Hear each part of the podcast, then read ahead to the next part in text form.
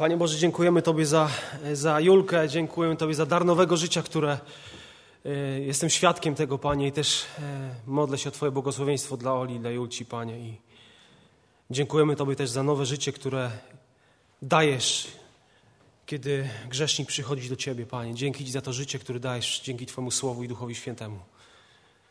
I modlę się, aby to życie stało się udziałem każdego grzesznika, który słucha Twojego Słowa, Panie. Każdego, kto e, słucha online, Boże. Dzięki Ci, że Ty rodzisz do swojego królestwa. Amen. Wielkie dzięki za modlitwy. Tatusiowie, jeżeli nie wierzycie, że można się zakochać w córce, to można. Ja się zakochałem, kiedy rodzili się chłopacy, wiecie, byłem radosny, szczęśliwy, ale nie płakałem. Ale kiedy się urodziła Julcia, po prostu poleciały mi łzy. Nie wiem, co to jest, ale e, to jest coś pięknego. E, nowe życie, które jest e, wymodlonym życiem, które jest życiem z samego nieba, to jest cud. Nowe życie jest cudem Bożym i, i nie wyobrażam sobie, co by było, gdybym nie znał Boga. Gdybyśmy, może byśmy drżeli, coś się stanie albo się nie stanie, ale mamy wielkiego Boga, który jest dobrym Bogiem, który jest wiernym Bogiem. Wiem też, że mieliście fajny czas na wyjeździe zborowym. E, fajnie, że jesteście. Mile się siedzi, kiedy ta sala jest bardziej wypełniona, e, ale wiem, że trzeba odpoczywać. E, także mam nadzieję, że spędziliście bardzo dobry czas w Bożej obecności i też poznając siebie nawzajem. A dzisiaj chciałbym mówić, wracając do Starego Testamentu. Na razie nie będę omawiał dalej listu do Hebrajczyków. Ale zadam takie jedno pytanie: e, w co wrastasz? W co wrastasz? Chciałem dzisiaj troszkę powiedzieć o Locie i o Abrahamie. E, zobaczycie te dwie osoby, które były bardzo, bardzo blisko siebie i wrastały w coś. I możemy wrastać w bardzo wiele rzeczy. I to ma bardzo. E, to jest i bardzo pozytywne, i bardzo niebezpieczne, w zależności od tego, w co człowiek wrasta. Abraham jest nazywany ojcem wiary. To jest ta osoba, do której, o której się mówi, kiedy się mówi o wierze. Urodził się około 2000 lat przed Chrystusem. Żył 175 lat.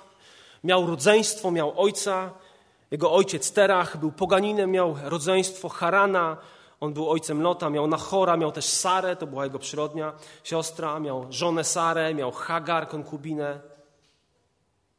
I Pan Bóg powołał tego człowieka do podróży ze sobą. Tego poganina, który, który nie znał Boga. Pan Bóg mu się objawił i wręcz rzucił mu wyzwanie: chodź za mną. Wyjdź z tej ziemi, którą masz, zostaw to, co znasz Zostaw ten cały świat pogański i zapraszam Ciebie w podróż ze mną. Czy chcesz pójść? I Abraham poszedł, by posłuszny te, temu wyzwaniu Bożemu. I kiedy, jeśli chcielibyśmy poznać życie Abrahama, to jaką księgę musimy otworzyć? Pamiętacie, który rozdział? Dwunasty rozdział pierwszej księgi Mojżeszowej. To tam Pan Bóg powołuje Abrama, aby wyszedł ze swojej ziemi, od swojej rodziny i on wychodzi, mając 75 lat. I Boże Słowo mówi, że razem z nim wychodzi Lot, jego bratanek. Jest przywóju, który został powołany przez Boga. A więc Abraham wziął swoją żonę Sarę, wziął Lota bratanka, to co miał i wychodzi, nie wie gdzie idzie ale ufa, że ten głos, który usłyszał, to jest głos Pana Boga i chce za nim podążać, chce zaryzykować. Zostawił swoje stare życie, idzie do nowego, do tego, czego nie zna. Ma być pielgrzymem, ma, być, ma, ma wędrować. Pan Bóg daje mu obietnicę i oczekuje posłuszeństwa od niego. Daje mu swoje słowo i oczekuje, że Abraham będzie jemu posłuszny.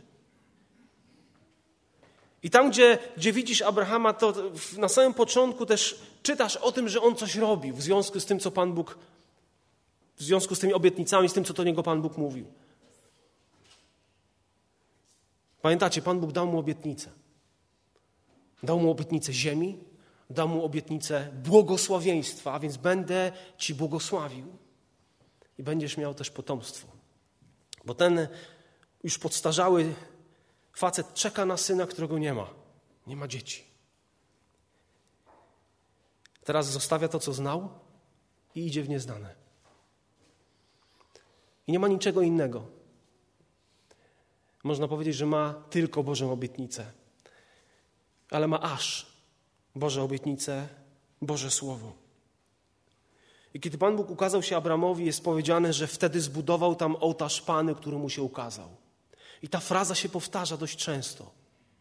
Gdziekolwiek Abram szedł, jest powiedziane, że on budował ołtarz, wyznawał Boże imię, wzywał Abram imienia Pana. O locie tego, o, o, tym nie czytamy. Być może uczestniczył razem z Abramem, ale to Abram był tym, który jakby odpowiadał uwielbieniem na to, co Pan Bóg mu czynił.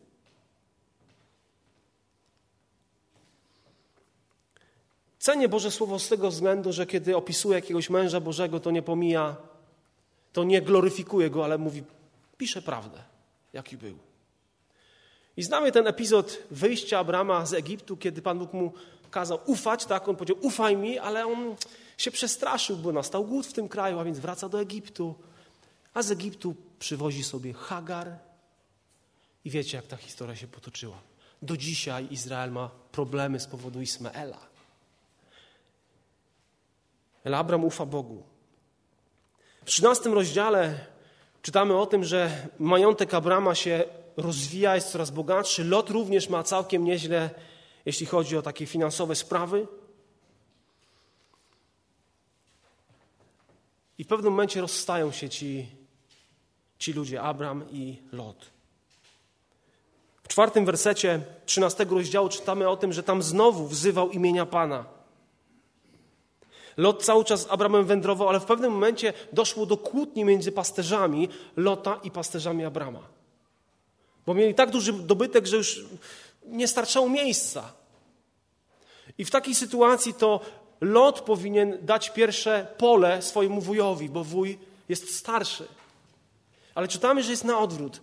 To Abram mówi: Słuchaj, Locie, nie chcemy się kłócić, nie chcemy, żeby była nieprzyjaźń między nami. Idź w prawo, to ja pójdę w lewo. Jak ty pójdziesz w lewo, to ja pójdę w prawo. Bo nie chcemy, żeby nasi pasterze się kłócili. I wtedy czytamy o tym, że Lot zaczął patrzeć i dostrzegł okręgi nadjordańskie, bardzo obfite w żywność i sobie pomyślał, świetnie, to się nadaje na, dla, dla moich stad, dla moich owiec. Nie czytamy o tym, że pytał Boga, gdzie ma iść. A więc wybiera Lot to, co jest najlepsze, najwspanialsze, okręgi nadjordańskie. A co zostaje Abramowi? Jeżeli jego bratanek bierze to, co najlepsze, to jego, jemu nie zostaje to, co najlepsze. Zostaje mu to, co jest gorsze, albo może najgorsze. Ale, ale Abram chodzi z Bogiem. Ale Abram wrasta w przyjaźń z Bogiem, wrasta w relację z Bogiem i uczy się z nim chodzić. Nie jest doskonały w tym, ale on uczy się chodzić z Bogiem, uczy się budować ołtarz raz i drugi, i trzeci, wzywa imienia Pana Boga. A więc Lot wyrusza na wschód, tak się rozstali. Abram zamieszkał w ziemi kananejskiej, natomiast Lot przebywał w miastach okręgu nadjordajskiego i rozbijał swoje namioty aż do Sodomy. I nie zdaje sobie z tego sprawy Lot, że w Sodomie mieszkają ludzie, o których jest tak powiedziane. Mieszkańcy Sodomy, Sodomy byli źli i bardzo grzeszni wobec Pana.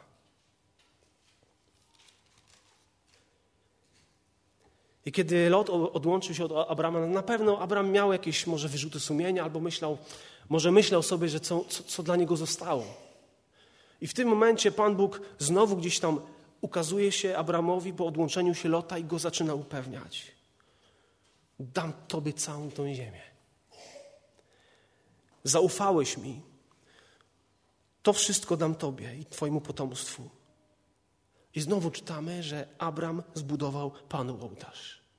Czternasty rozdział Księgi Genesis To jest czas, kiedy e, czytamy o wojnie.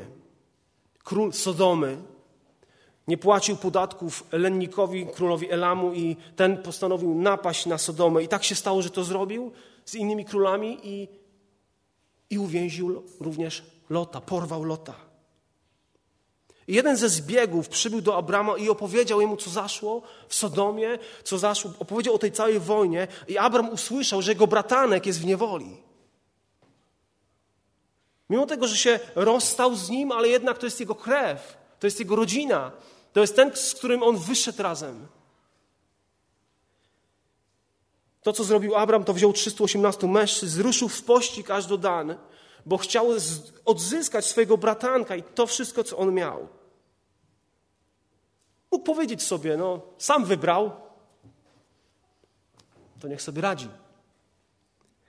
Ale Abram zaczął ścigać tych, którzy napadli i Boże Słowo mówi, że odzyskał całe mienie Lota i wszystko to, co do niego należało. Tu w tym czternastym rozdziale jest e, ten fragment, który mówi o Melchisedeku, o którym też jakiś czas temu mówiłem. Abram, kiedy król Sodomy jakby doszło do niego, że, że jest, już jest uratowany, uwolniony, to chciał coś Abramowi dać, jakiś e, majątek, ale Abram mówi, nie, nie, ja mam, ja nie chcę nic od Ciebie, ja mam Boże błogosławieństwo. Ja nie chcę, żeby ktoś mówił, że wzbogaciłem się, bo król Sodomy mi coś dał. Ja mam mojego Boga. Ja nie potrzebuję nic. I po tych wydarzeniach znowu dochodzi Abrahama w widzeniu słowo: Nie bój się, nie bój się. A więc on się bał różnych rzeczy. Nie bój się, jam tarczą Twoją. Zapłata Twoja będzie sowita. I w 15 rozdziale, 6 wersecie czytamy, że Abraham uwierzył Bogu. To było wtedy, kiedy Pan Bóg go wyprowadził na dwór i powiedział: Widzisz te gwiazdy, policz się.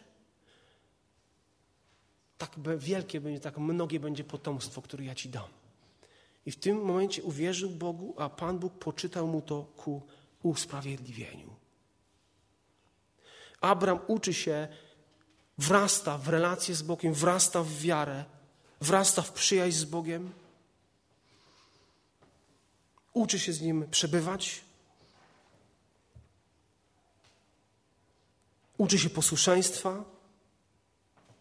W 15 rozdziale czytamy o tym, że Abraham jakby zapadł w taki twardy sen.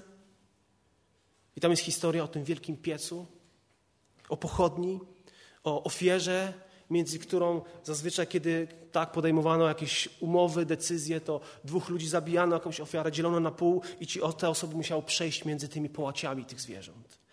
W tym momencie Abraham śpi i wiemy, że pochodnia, którą jakby ona symbolizuje Boga, sam Pan Bóg zaczyna przechodzić między tą ofiarą i on sam, Pan Bóg, zawiera przymierze z Abramem.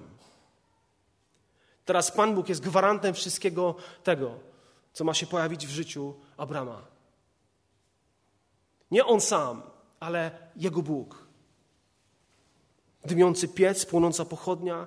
I Pan Bóg zawarł przymierze z Abramem, mówiąc: Potomstwu Twemu daję tę ziemię od rzeki egipskiej aż do wielkiej rzeki Eufrat. I ta historia biegnie do przodu. W 18 wersecie, rozdziale czytamy o tym, że Pan Bóg kolejny raz zapowiada Abramowi, że urodzisz, już niebawem urodzi ci się syn będziesz miał syna. I Pan Bóg wysyła swoich aniołów do, do Abrama, który gdzieś tam siedzi sobie. Ma obietnicę, że urodzi mu się syn. To będzie syn obietnicy. To będzie syn przymierza. To będzie ktoś, kto będzie darem od Boga dla niego. I Pan Bóg powiedział: I to przymierze ustanowię tylko z Twoim synem Izaakiem. Tylko z Nim. Pan Bóg odchodzi w górę. Wiecie, że Sara nie do końca wierzyła, zaczęła się trochę śmiać. No, jak ja jestem stara, mój mąż jest stary, ale nie ma rzeczy niemożliwej. I Pan Bóg ma, posyła tych aniołów ci aniołowie mają to niezwykłe poselstwo dla, dla Sary i dla Abrama. Będziecie mieli syna. To jest to poselstwo błogosławieństwa, zapowiedź syna. I w 16 wersecie 18 rozdziału dalej czytamy o tym, że Pan Bóg już jakby przyjaźni się z Abramem i postanawia mu coś objawić. Objawia mu to, że postanowi, postanowi Pan Bóg zniszczyć Sodomę. Jak myślicie, o kim pomyślał sobie Abram? O swoim bratanku. Pan Bóg dzieli się swoim sercem z tym człowiekiem, który zechciał z nim chodzić. I to, co robi Abram, to zaczyna się targować z Bogiem. Boże, jak będzie tam pięćdziesięciu sprawiedliwych, to zniszczysz to miasto? Nie, nie zniszczę. A jak będzie czterdziestu? Nie zniszczę. A jak będzie trzydziestu? Panie, jeszcze mogę się odezwać. A jak będzie dwudziestu? Jeszcze się mogę odezwać. Boże, czy zniszczysz to miasto? I tak do, schodzą do dziesięciu. Bóg mówi, nie zniszcza tego miasta ze względu na dziesięciu sprawiedliwych w tym mieście.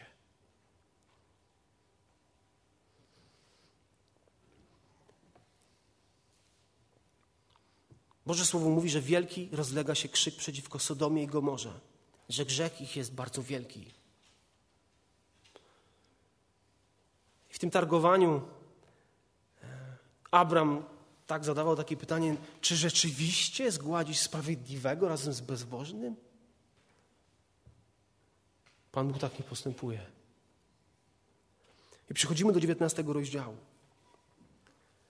Pod wieczór przyszli dwaj aniołowie, ci sami, którzy zwiastowali tą dobrą wieść dla Abrama. Ci sami aniołowie przychodzą do Lota, aby zwiastować mu bardzo złą wieść. A Lot siedział w bramie Sodoby. Gdy ich Lot ujrzał, powstał, by wyjść na ich spotkanie i pokłonił się aż do ziemi. I rzekł, Proszę, panowie moi, wstąpcie do domu sługi waszego i przenocujcie. Umyjcie nogi wasze, a wczesnym rankiem wstańcie i możecie pójść drogą swoją. I odpowiedzieli, nie, nie będziemy nocować na dworze. Lecz on bardzo nalegał na nich, wstąpił więc, wstąpili więc do niego i weszli do, do domu jego, a on wyprawił im ucztę, upiekł prześniki i jedli. Lot nie ma zielonego pojęcia, co się ma stać. Nie wie, że, że ci, ci ludzie przyszli, aby zwiastować mu bardzo złą wieść. Z jednej strony zła, z drugiej strony dobra. Zła, że to wszystko przestanie istnieć, dobra, że będzie uratowany. Ale on jest nieświadomy. Mieszka w samym centrum Sodomy. Siedzi w bramie miasta. W tym czasie tylko bardzo szanowani ludzie siadywali w bramie miasta. To byli tacy sędziowie, to, mi, to byli tacy starsi, to w ich obecności odbywały się różne, e, podpisywano różne umowy, oni byli świadkami, także on ma bardzo wysoką pozycję w Sodomie. To jest widoczny znak poważania przez ludzi w tym mieście. Tam dokonywano tran transakcje, tak, sądzono, doradzano, kupowano, sprzedawano. Więc dorobił się czegoś. W tym okręgu nadjordańskim. Zanim się położyli mieszkańcy miasta, mężowie Sodomy, od najmłodszego do najstarszego otoczyli dom, cała ludność z najdalszych stron. Wywołali Lota i rzekli do niego: Gdzie są ci mężowie, którzy przyszli do ciebie tej nocy? Wyprowadź ich do nas, abyśmy z nimi poigrali. Dosłownie, abyśmy ich wykorzystali seksualnie, abyśmy sobie pobawili się z, nimi. Wtedy Lot wyszedł do nich do bramy, zamknął drzwi za sobą i zaczyna rozmawiać z nimi. I kiedy czytasz tą rozmowę, to widzisz, że, że Lot nie ma żadnego wpływu na tych ludzi. Mimo tego, że z pewnością nie wstydził się tego, że znał Boga, no bo znał Boga, widział Boga w życiu swojego, swojego wuja. Być może wielokrotnie mówił, nie róbcie tak, tak nie powinno się, ale nie ma żadnego wpływu na tych ludzi. Nie jest w stanie nic zrobić, jest bezradny. Całkowicie bezradny, całkowicie nieskuteczny, by powstrzymać tych grzeszników. Tak, powstrzymać to grzeszne zachowania ludzi w tym mieście. I chociaż Piotr mówi o tym, że Lot się trapił w swoim sercu tym, co widział w Sodomie, był udręczony przez rozpustne życie tych bezbożników, a więc on nie był jednym z nich. On nie grzeszył tak jak oni. Jest nawet powiedziane, że on był sprawiedliwy. Tam mieszkając z tymi bezbożnikami, trapił się, gdy słyszał o tym wszystkim i widział to, co oni robili. Dzień w dzień się trapił. Ale co z tego wynikało? Coraz więcej utrapienia miał w swoim życiu, w sprawie swojej duszy.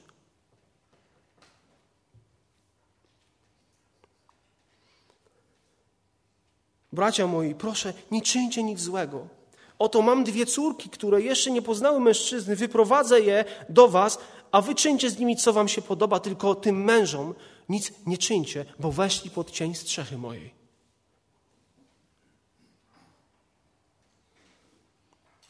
Kiedy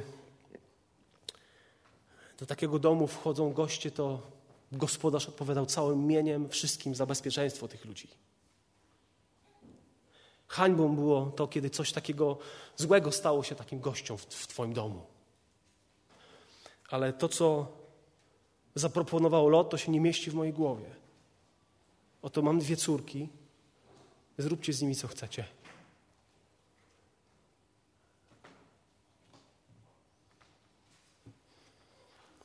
Ale oni odparli: idź precz i mówili, jeden jedyny przyszedł ku, e, tu jako przybysz, a teraz chce być sędzią, postąpimy z tobą gorzej niż z nimi.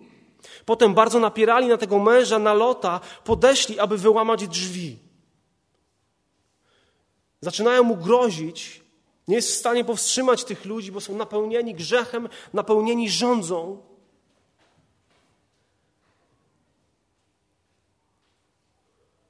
Ale owi mężowie wysunęli ręce swoje i wciągnęli Lota do domu, a drzwi zamknęli, a mężów, którzy byli u drzwi domu, od najmłodszego do najstarszego porazili ślepotą. Tak, że daremnie się trudzili, by znaleźć drzwi. I wtedy mężowie ci rzekli do Lota, kogokolwiek masz tu jeszcze w tym mieście, zięciów, synów lub córki oraz wszystko, co do ciebie należy, wyprowadź z tego miejsca – Zniszczymy bowiem to miejsce, gdyż głośna jest na nich skarga przed Panem i posłał nas Pan, abyśmy je zniszczyli. Myślę, że ta, ta wiadomość musiała naprawdę dotknąć Lota. Wyobraź sobie, że jesteś w miejscu, w którym masz ugruntowaną pozycję, masz całkiem niezły majątek, masz przyjaźnie, jakieś relacje biznesowe, sąsiedzkie, może są marni ci sąsiedzi, ale masz. I w tym momencie masz to wszystko zostawić i masz uciekać. I masz to zrobić nagle, szybko. Nie wiem, ile czasu potrzebujecie, żeby się spakować, a ja bardzo tego nie lubię. Jak mam mało czasu, to zapominam o niektórych rzeczach. Ale kiedy ktoś tak by powiedział, że masz się szybko spakować i już nigdy nie wrócisz do tego domu, to co byśmy wzięli ze sobą?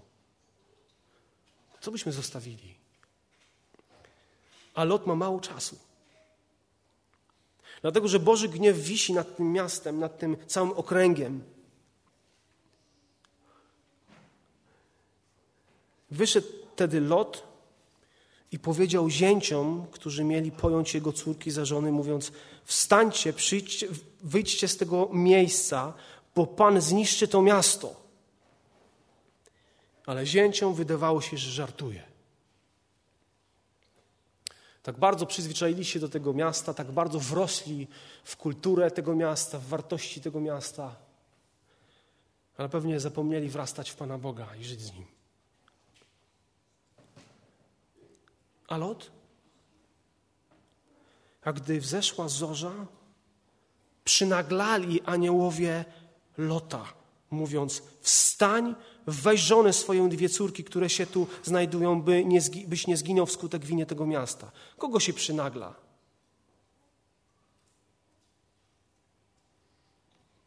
Kogoś, kto nie chce, kto się ociąga.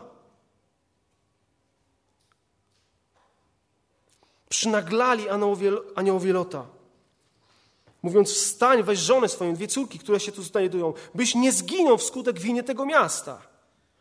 Lecz gdy się ociągał, cały czas do niego to nie dociera, ociąga się, wzięli go owi mężowie za rękę, obie córki jego za rękę, bo Pan chciał go oszczędzić i wyprowadzili go i pozostawili poza miastem.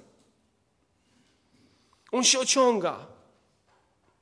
Tak bardzo, być może spodobał mu się ten, to życie. Może majątek, może moralność mu się nie podobała, ale, ale to, co tam widział, mu się podobało. Że fajnie mu się mieszkało, że miał pozycję.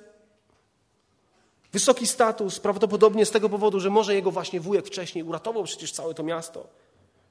Odbił wszystkich. A teraz ma uciekać tak naprawdę z niczym, bo ile jest w stanie w taki szybki sposób wziąć rzeczy? Ile majątku jest w stanie wziąć? Ile owiec? A teraz musi zostawić swoje domy, namioty, część bydła, swoją pracę i on się waha, on się ociąga. Jeżeli człowiek wrośnie w coś dostatecznie mocno, to strasznie trudno będzie go z tego wyrwać. Jeżeli człowiek wrośnie w coś dostatecznie mocno, to wszystko inne staje się, wiecie, obce. To się nam nie podoba. Można wrastać bardzo wiele rzeczy. Można wrastać w gorzkość, można wrastać w, w nieprzebaczenie, można wrastać w kłamstwo, można wrastać w, w gang, można wrastać w ten świat, można wrastać w pewien styl życia tego świata. I tak naprawdę każdy w nas, z nas w coś wrósł.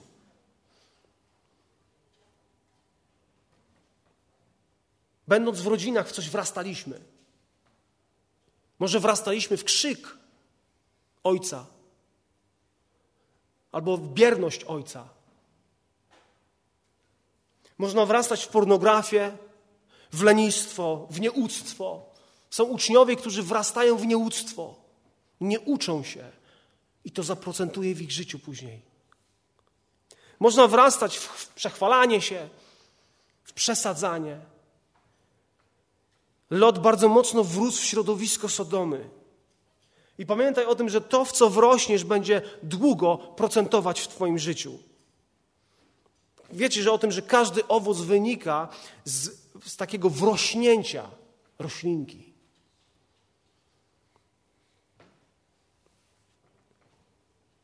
Gdy ich wyprowadzili poza miasto, rzekł jeden: Ratuj się, bo chodzi o życie Twoje.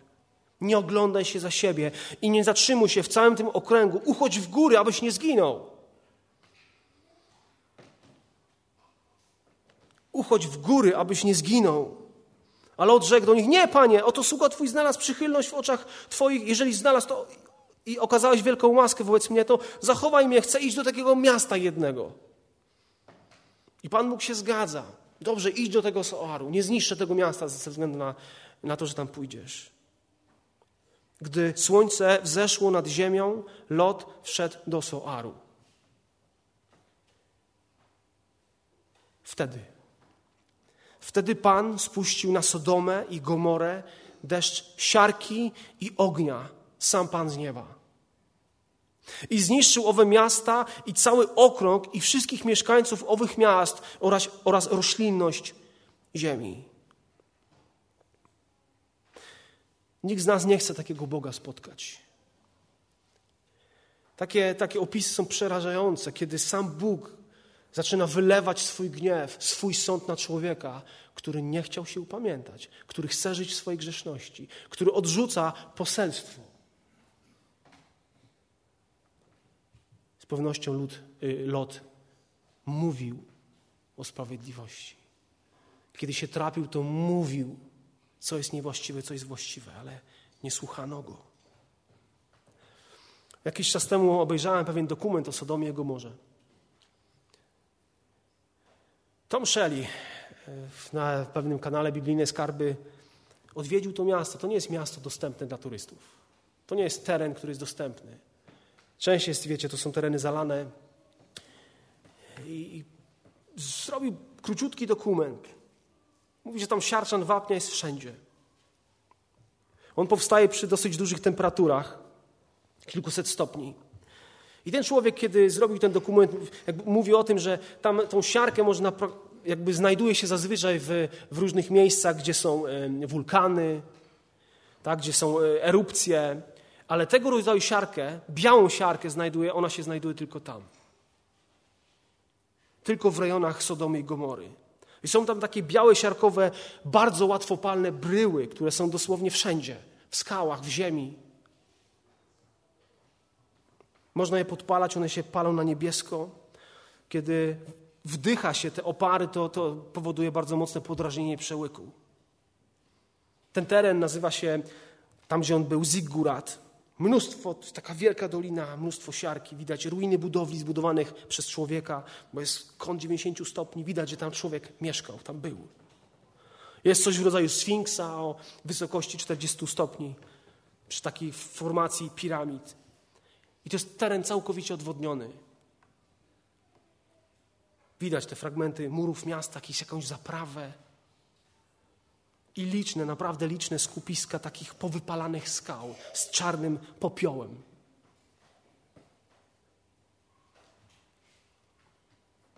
Niezbadany teren.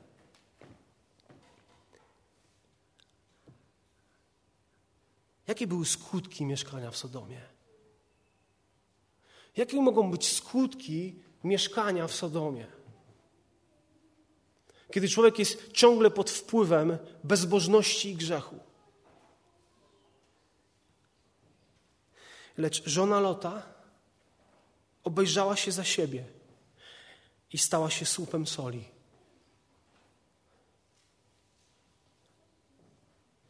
To są skutki mieszkania w Sodomie. Czasami rodzice podejmują decyzję, aby wyjechać może do miasta, by zarabiać więcej i lepiej.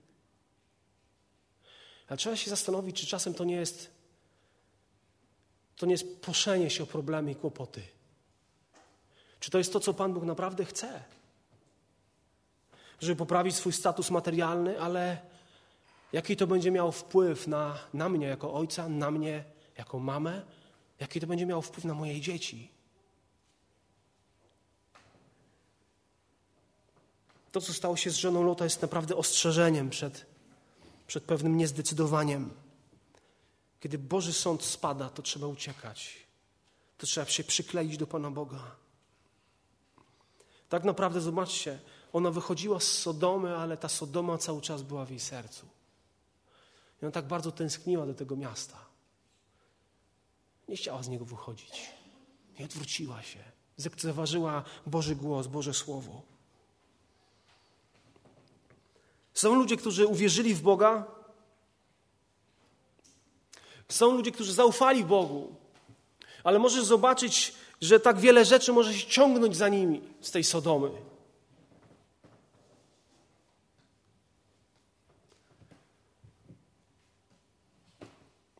Czy za mną jakieś rzeczy się ciągną z Sodomy, z tego świata? Bo może jestem Bożym dzieckiem, ba, może jestem, ba, jestem pastorem, ale może są rzeczy, które się ciągną za mną cały czas. Stare, brudne, wstydliwe, grzeszne rzeczy.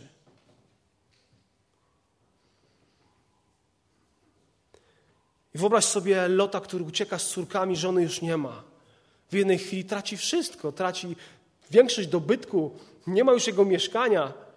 Szybko musi iść, ociągał się, patrzy, jego żona już nie żyje. Zostały mu córki, on sam ucieka, w końcu wszedł. Pan Bóg zesłał swoją karę. On musiał być napełniony strachem, on musiał być napełniony nie, niewiadomą, co dalej będzie ze mną. Ale w 27 wersecie czytamy: Abraham, zaś wstawszy wcześnie rano, udał się na to miejsce, gdzie stał przed Panem wcześniej. I spojrzawszy na Sodomę i Gomorę i na całą tę okolicę, ujrzał, że dym wznosił się z ziemi jak dym z pieca. W tym czasie, kiedy Lot ucieka, Abraham jest spokojny. Z oddali obserwuje to wszystko, co się dzieje. To jego nie dotyczy. On zaufał Bogu. I z oddali widzi, co, co jakby Pan Bóg tak przygotował dla, dla tego miejsca. I 29 werset jest bardzo ciekawy. 19 rozdziału. A Bóg, niszcząc miasta tego okręgu, wspomniał na. Na kogo? Wspomniał na Abrahama. I ocalił Lota od zagłady, gdy niszczył miasta, w których mieszkał Lot.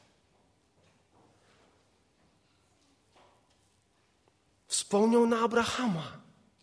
I ocalił Lota od zagłady, gdy niszczył miasta, w których mieszkał Lot.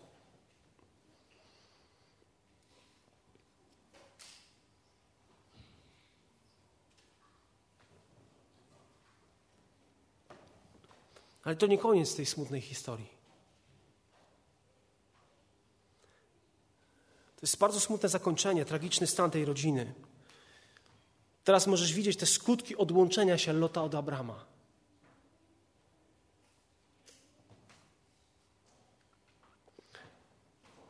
A więc widzimy, że Lot wrastał w Sodomę, jego żona wrosła i zginęła. A czy córki wrosły w Sodomę?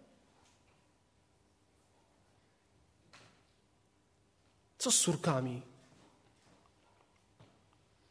Zobaczcie, w jaki sposób rozwiązały problem, że nie miały dzieci. Pewne wzorce zachowania, postawy, nawyki niestety, ale zostają.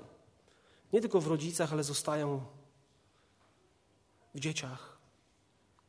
Skąd pochodzą Moabici i Amonici? Skąd oni się wzięli na ziemi? Moabici mieli bożka Kemosza, Amonici bezbożnego takiego Milkoma. Moabici i Amonici zostali odrzuceni przez Boga z powodu grzechu, z powodu tego, że między innymi też nie, nie okazali gościnności, ale musimy wiedzieć, że to był jeden z najbardziej bezbożnych, bałwochwalczych i rozpasanych seksualnie narodów z takim kultem seksualności na czele. To byli najbardziej zepsuci i najbardziej upadlający się ludzie. Skąd oni się wzięli na tej ziemi? Pewnej nocy najstarsza córka Lota powiedziała: Ojciec się starzeje, nie mamy męża, przydałyby się dzieci. A więc upiły swojego tatę i starsza poszła z nim spać. Zaszła w ciążę. A następnego dnia młodsza zrobiła to samo. Zaszła w ciążę. I to te córki urodziły chłopców, którzy stali się potomkami Moabitów i Amonitów. To są skutki mieszkania w Sodomie. To są skutki mieszkania w Sodomie. I też dziwi mnie to, że jak to upiły swojego tatę? To on nie miał miaru? Nie mógł powiedzieć, dziewczynki, dosyć. Dosyć. Widzisz pewne skutki mieszkania w Sodomie. Również w życiu Lota. Dwukrotnie Lot został uratowany. Raz przez swego wuja Abrahama, drugi raz tak naprawdę też przez niego, bo to Pan Bóg wspomniał na Abrama go uratował. A jakie wnioski widzisz z tej historii? Dzisiaj możesz wrastać w relacje z Bogiem, możesz wrastać w przyjaźń z Bogiem i możesz wrastać w Sodomę. Możesz wrastać w ten świat, w styl życia tego świata.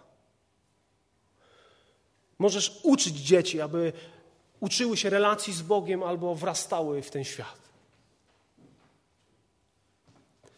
Kiedy patrzysz na tę historię, widzisz, że Pan Bóg jest Bogiem sprawiedliwym, Bogiem sądu i kiedy mówi dość, to mówi dość i wylewa swoją, swój gniew. Ale ten sam Bóg jest też Bogiem łaski i miłosierdzia i ratuje tych, których chce. Widzisz Boga, który ma swoich pomocników, ma swoje sposoby docierania do człowieka. Przez okoliczności, przez aniołów, przez braci, przez siostry. Pan Bóg przez swoje słowo działa w różny sposób, aby wyrywać człowieka z gniewu. Kiedy patrzę na tę historię, to uczę się, że możesz mieć cielesne błogosławieństwo tego świata, ale o wiele lepiej, kiedy masz to duchowe błogosławieństwo, kiedy masz Boże Słowo, kiedy masz Boże obietnice i chwytasz się Boga. Warto mieć kogoś u swojego boka, kto, boku, kto chodzi z Bogiem, kto jest człowiekiem wiary, bo w wielu kryzysowych sytuacjach te osoby pomogą Tobie przejść przez trud. Możesz stracić swój dobytek, nawet swoją duszę, gdy oddalasz się od Boga. To, w co wrastasz, przynosić będzie owoc. Człowiek może być uratowany, ale może wlec za sobą Sodomę.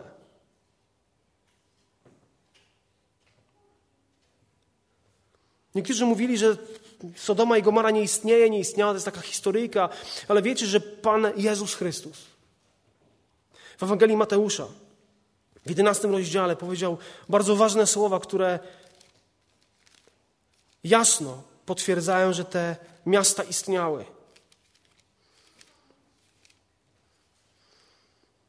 W pewnym momencie Pan Jezus zaczął grozić miastom, w których dokonało się najwięcej Jego cudów, że nie pokutowały. Biada Tobie Chorazynie, biada Tobie Betsaido, bo gdyby w Tyże i Sydonie działy się te cuda, które u Was się stały, dawno by w worze i popiele pokutowały. Ale powiadam Wam, lżej będzie Tyronowi i Sydonowi w dniu sądu, aniżeli Wam. A Ty, Kafarnaum, czy aż do nieba wywyższone będziesz? Aż do piekła zostaniesz strącone, bo gdyby się w Sodomie dokonały te cuda, które się stały u Ciebie, stałyby jeszcze po dzień dzisiejszy. Ale powiadam Wam, lżej będzie ziemi sodomskiej w dniu sądu, sądu aniżeli Tobie.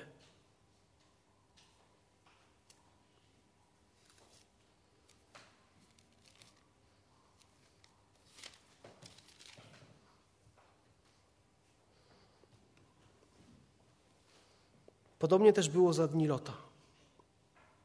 Ewangelia Łukasza, 17 rozdział. Jedli, pili, kupowali, sprzedawali, szczepili, budowali, a w dniu, kiedy Lot wyszedł z Sodomy, spadł z nieba ogień z siarką i wytracił wszystkich. Tak też będzie w dniu, kiedy Syn Człowieczy się objawi. Najgorsze jeszcze przed człowiekiem. Tak też będzie w dniu, kiedy Syn Człowieczy się objawi.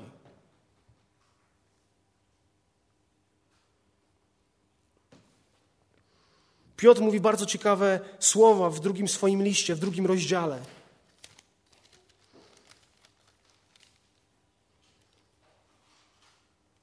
Miasta Sodomy i Gomorę spalił do cna i na zagładę skazał jako przykład dla tych, którzy by mieli wieść życie bezbożne. Zobaczcie, po co zrobił to Bóg. Jako przykład dla tych, którzy chcieliby żyć rozpasanym życiem, z dala od Boga. To jest przypomnienie, że nadchodzi Boży sąd i Boży gniew. Że Pan Bóg, Jego cierpliwość się skończy w pewnego dnia i będzie koniec. I będzie wylana jego, wylany Jego gniew. I dzisiaj, jeżeli mielibyśmy być, jakby powiedzieć, od czego jesteśmy zbawieni, to każdy z nas, jeśli jesteś Bożym dzieckiem, jesteś osobą zbawioną od Bożego gniewu. To jest dzisiaj najbardziej najgorsze dla człowieka Boży gniew. I każdy z nas jest uratowany, zbawiony od tego, od Bożej furii, która wyleje się na człowieka z powodu grzechu.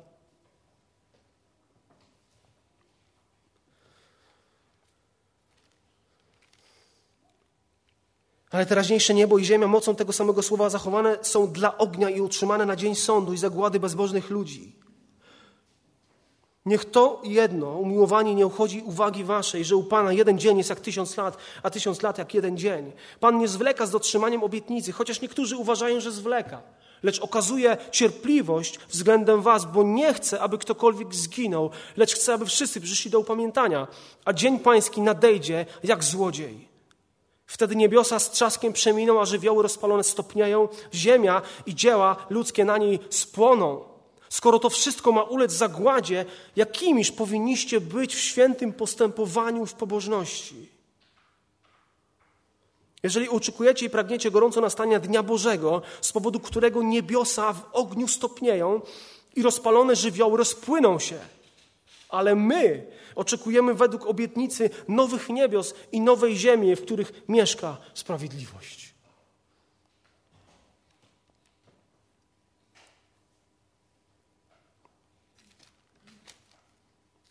List Judy.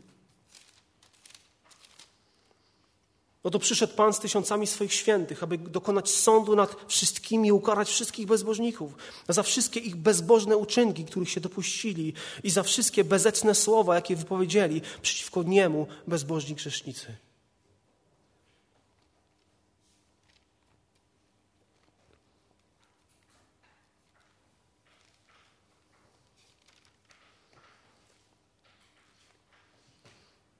List drugi Tesaloniczan, apostoła Pawła, drugi list, pierwszy rozdział, ósmy werset. W ogniu płomienistym, wymierzając karę tym, którzy nie znają Boga, oraz tym, którzy nie są posłuszni Ewangelii Pana naszego Jezusa. Poniosą oni karę, zatracenie wieczne, oddalenie od oblicza Pana i od mocy chwały Jego. Gdy przyjdzie w owym dniu, aby być uwielbionym wśród świętych swoich i podziwianym przez wszystkich, którzy uwierzyli, bo świadectwu naszemu uwierzyliście. Nadchodzi Królestwo Boże. Nadchodzi Boże Królestwo, które będzie dla jednych czymś tragicznym. To będzie sąd, a dla tych, którzy są Bożymi dziećmi, to będzie niezwykły ratunek. I Pan Bóg wyleje swój gniew, ale, ale wspomni na kogoś.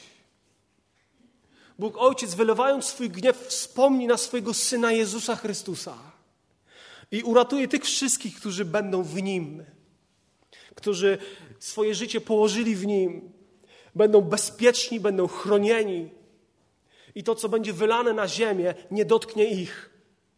I teraz pytanie, w jakiej grupie dzisiaj jesteśmy? W tej grupie, która otrzyma Boży sąd, czy jesteśmy tymi, którzy są uratowani, będą uratowani ze względu na Syna, ze względu na Jego ofiarę, ze względu na Jego wspaniałość i Golgot, ze względu na Golgotę, Jego ofiarę. A może jesteś dzisiaj dzieckiem i siedzisz i kiedy swoim młodym rozumem miałbyś podjąć decyzję, to czy dzisiaj Boży gniew wyleje się na ciebie, czy może Pan Bóg okaże ci łaskę?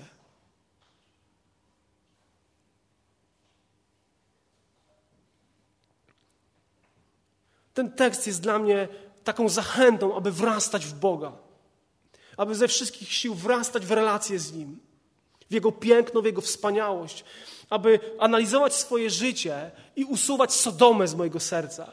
To, co mnie ciągnie jeszcze w tym świecie, to, co zabiera mi czas, to wszystko usunąć i dać chwałę, dać, dać całą władzę Chrystusowi w moim życiu.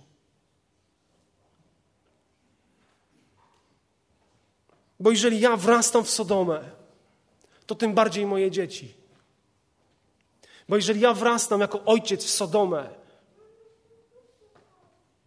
w ten styl, który jest taki, taki delikatny czasami, taki niepozorny,